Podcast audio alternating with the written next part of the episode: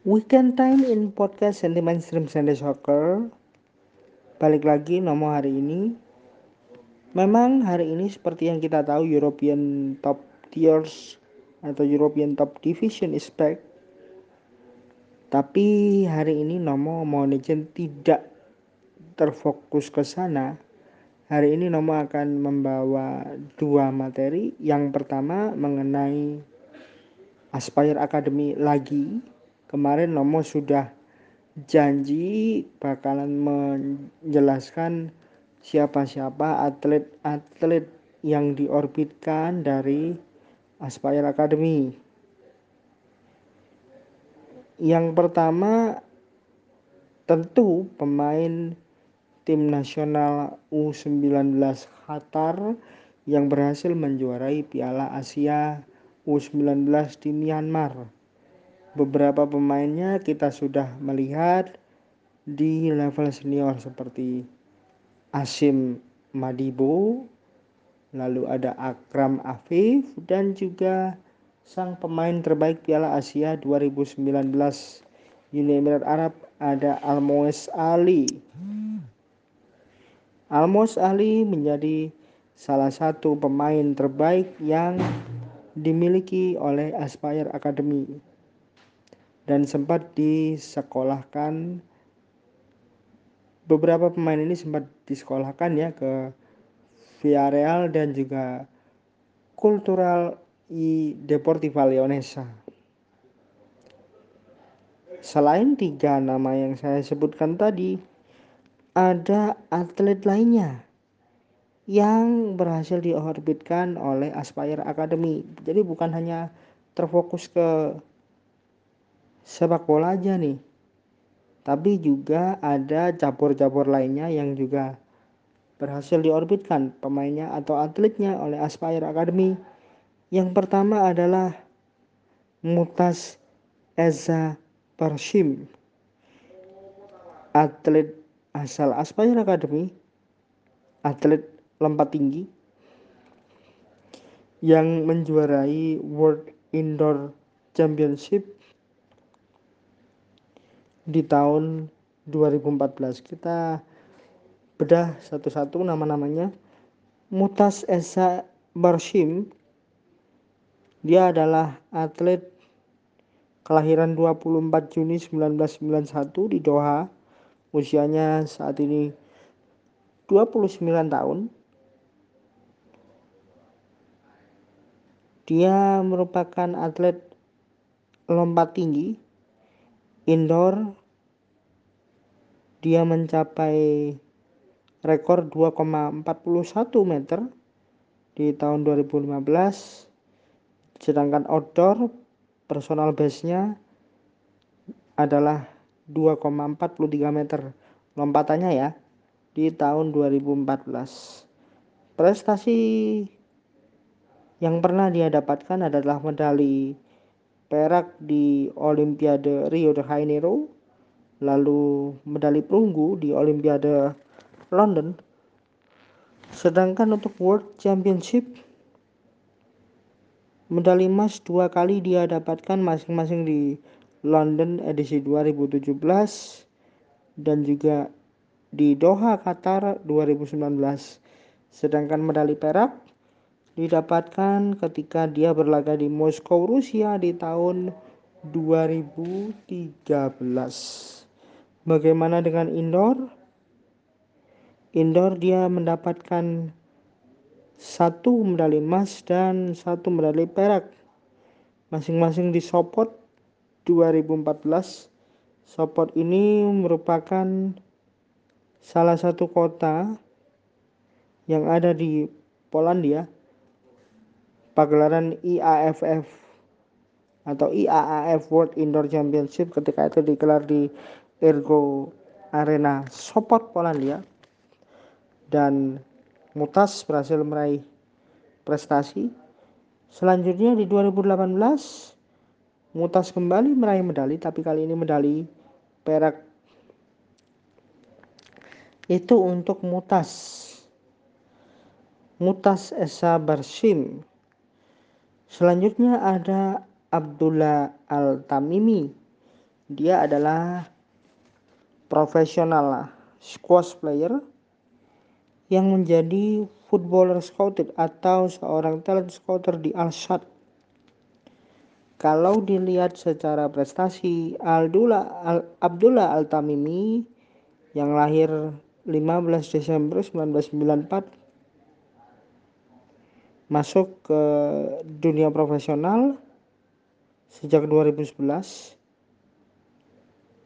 saat ini hingga tahun 2018 yang lalu dia sudah meraih 4 titel juara main single squash dan juga World Tour Final gelarnya sebanyak 8 kali. Di 2018 posisi ranking terakhirnya adalah 28 dunia itu untuk Abdullah Al-Tamimi. Sedangkan nama ketiga dari atlet selain sepak bola yang berhasil diluncurkan atau diorbitkan oleh Aspire Academy adalah Ashraf El Shefi. Dia adalah hammer throw, hammer throw athlete atau lempar lembing dia lahir di 20 Februari 1995 di Mesir. Jadi usianya saat ini adalah 26 tahun. Atlet hammer throw yang saat ini dilatih oleh Alexei Maliukov. Alexei Maliukov adalah hammer thrower asal Rusia yang meraih kejuaraan Eropa yang bertanding di kejuaraan Eropa tahun 1978 dan masuk ke dalam 10 besar dunia empat kali dari tahun 75 hingga 80. Kembali ke sang pemain, prestasi yang pernah diraih oleh Ashraf di antaranya adalah medali emas dua kali di World Junior Championship untuk cabang olahraga hammer throw masing-masing di Barcelona 2012 dan di Oregon, Amerika Serikat tahun 2014. Dia meski lahir di Mesir tapi representing atau membela negara Qatar. Itu untuk sorotan pertama. Yang kedua Nomo ingin menyoroti tentang pohon lagi. Karena kemarin di hari Jumat ada satu video yang di play di Kibol Susana menjelaskan tentang seseorang laki-laki di India yang berhasil merubah tanah yang tandus yang gersang yang rawan longsor menjadi hijau. Itu berkat dia menanam beberapa tanaman-tanaman bertipe tanaman keras. Dan Indonesia juga mengikuti cara itu cara itu diikuti oleh Bapak Sadiman salah satunya dengan menanam pohon beringin dan ini menjadi upaya yang terus dilakukan oleh pemerintah untuk mencegah terjadinya erosi hingga bencana tanah longsor saat musim hujan melanda. Salah satunya dengan menanam tanaman yang bermanfaat untuk mencegah bencana tersebut. Ada satu informasi ini dari situs resmi BNPB, Badan Nasional Penanggulangan Bencana. Ada namanya tanaman vetiver atau akar wangi yang merupakan tanaman sejenis rumput. Tanaman dengan nama latin Chrysopocon zizanoide ini punya banyak manfaat yang baik terhadap lingkungan. Tetapi ada sedikit catatan juga. Meskipun tanaman ini punya akar yang panjang sehingga mampu mencegah longsor, tetapi juga ada kelebihan dan kekurangannya. Apa kelebihan dan kekurangan dari tanaman jenis vetiver? Rumput vetiver atau Chrysopogonsis cynoides memang bisa bermanfaat untuk mencegah longsor. Namun, menurut peneliti tumbuhan dari Southeast Asian Region Center for Tropical Biology atau Seameo Biotrop,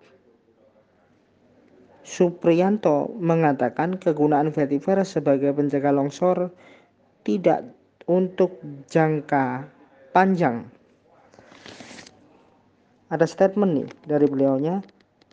Ya, mungkin untuk jangka pendek bisa, tetapi tetap untuk pencegah longsor yang bagus untuk jangka panjang ya tentu saja pohon. Supriyanto menjelaskan akar vetiver bisa mencapai kedalaman 6 meter di media tanam bebas hambatan seperti sungai atau kolam. Sedangkan di tanah, akar vetiver dapat mencapai kedalaman 1 sampai 1,5 meter. Untuk menghasilkan panjang akar 1,5 meter saja harus menggunakan polybag. Polybag ini biasanya digunakan untuk tan tanaman budidaya. Meskipun demikian, dia menambahkan Vetiver system punya akar serabut yang bisa menahan erosi pada tanah sekuat, sekuat seperenam kawat baja.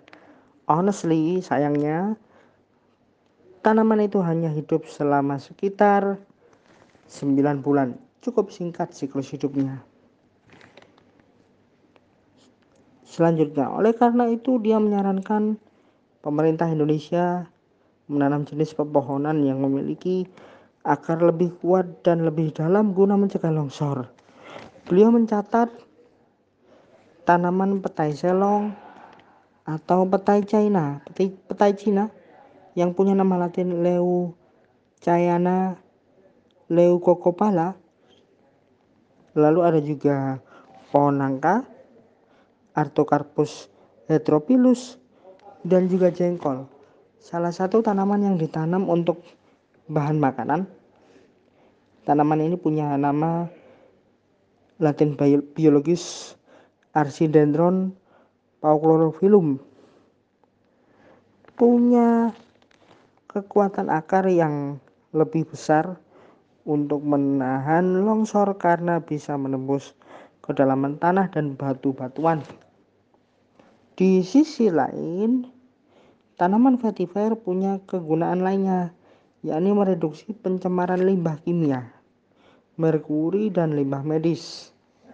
Ada penjelasan lain dari para ahli, yakni Dr.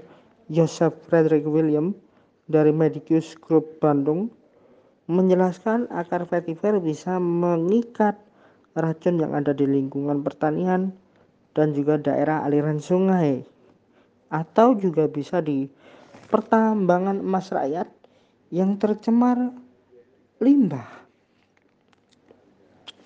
Jika ditanam di kawasan yang mengandung limbah, setelah 3 sampai 6 bulan vetiver berubah menjadi golongan B3. Limbah B3 ini salah satu limbah yang berbahaya ya. Jadi oleh karenanya jangan diambil serta dimanfaatkan buat diambil ekstraknya oleh masyarakat dan jangan juga dibakar.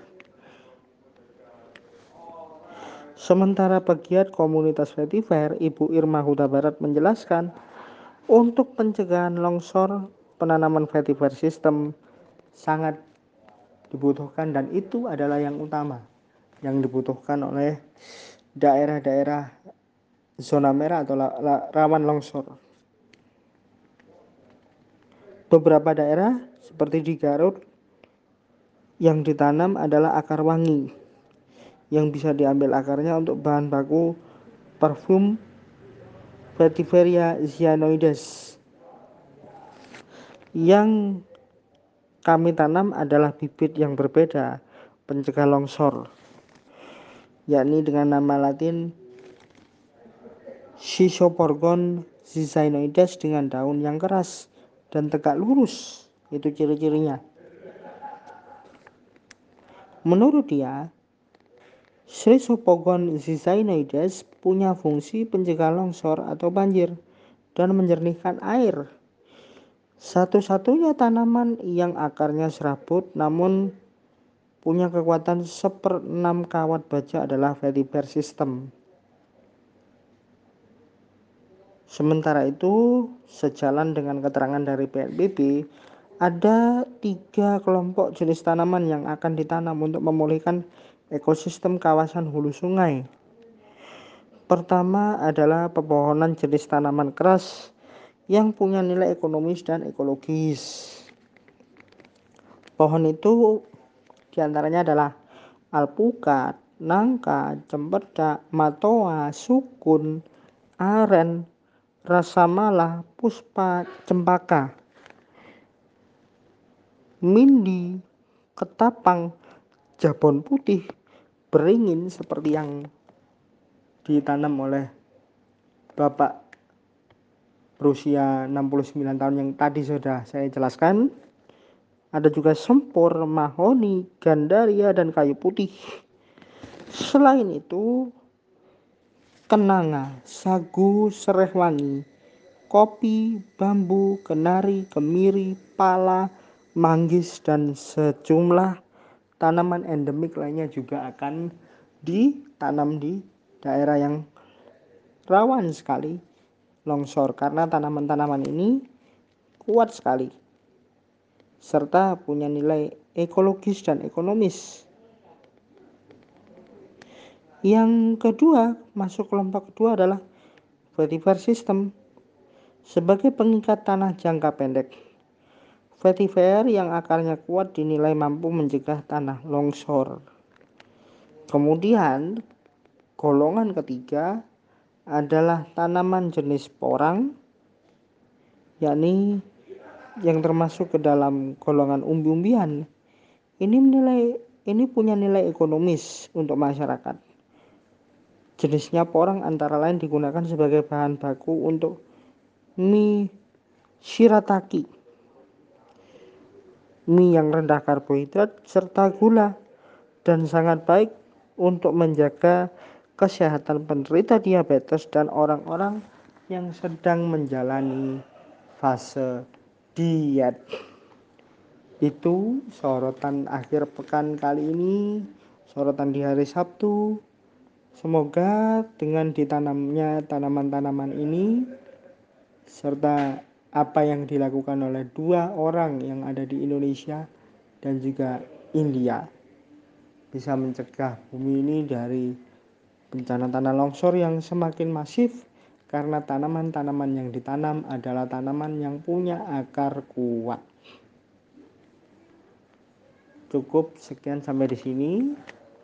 Dan ke share, happy weekend. Salor, wassalam, un auf Wiedersehen.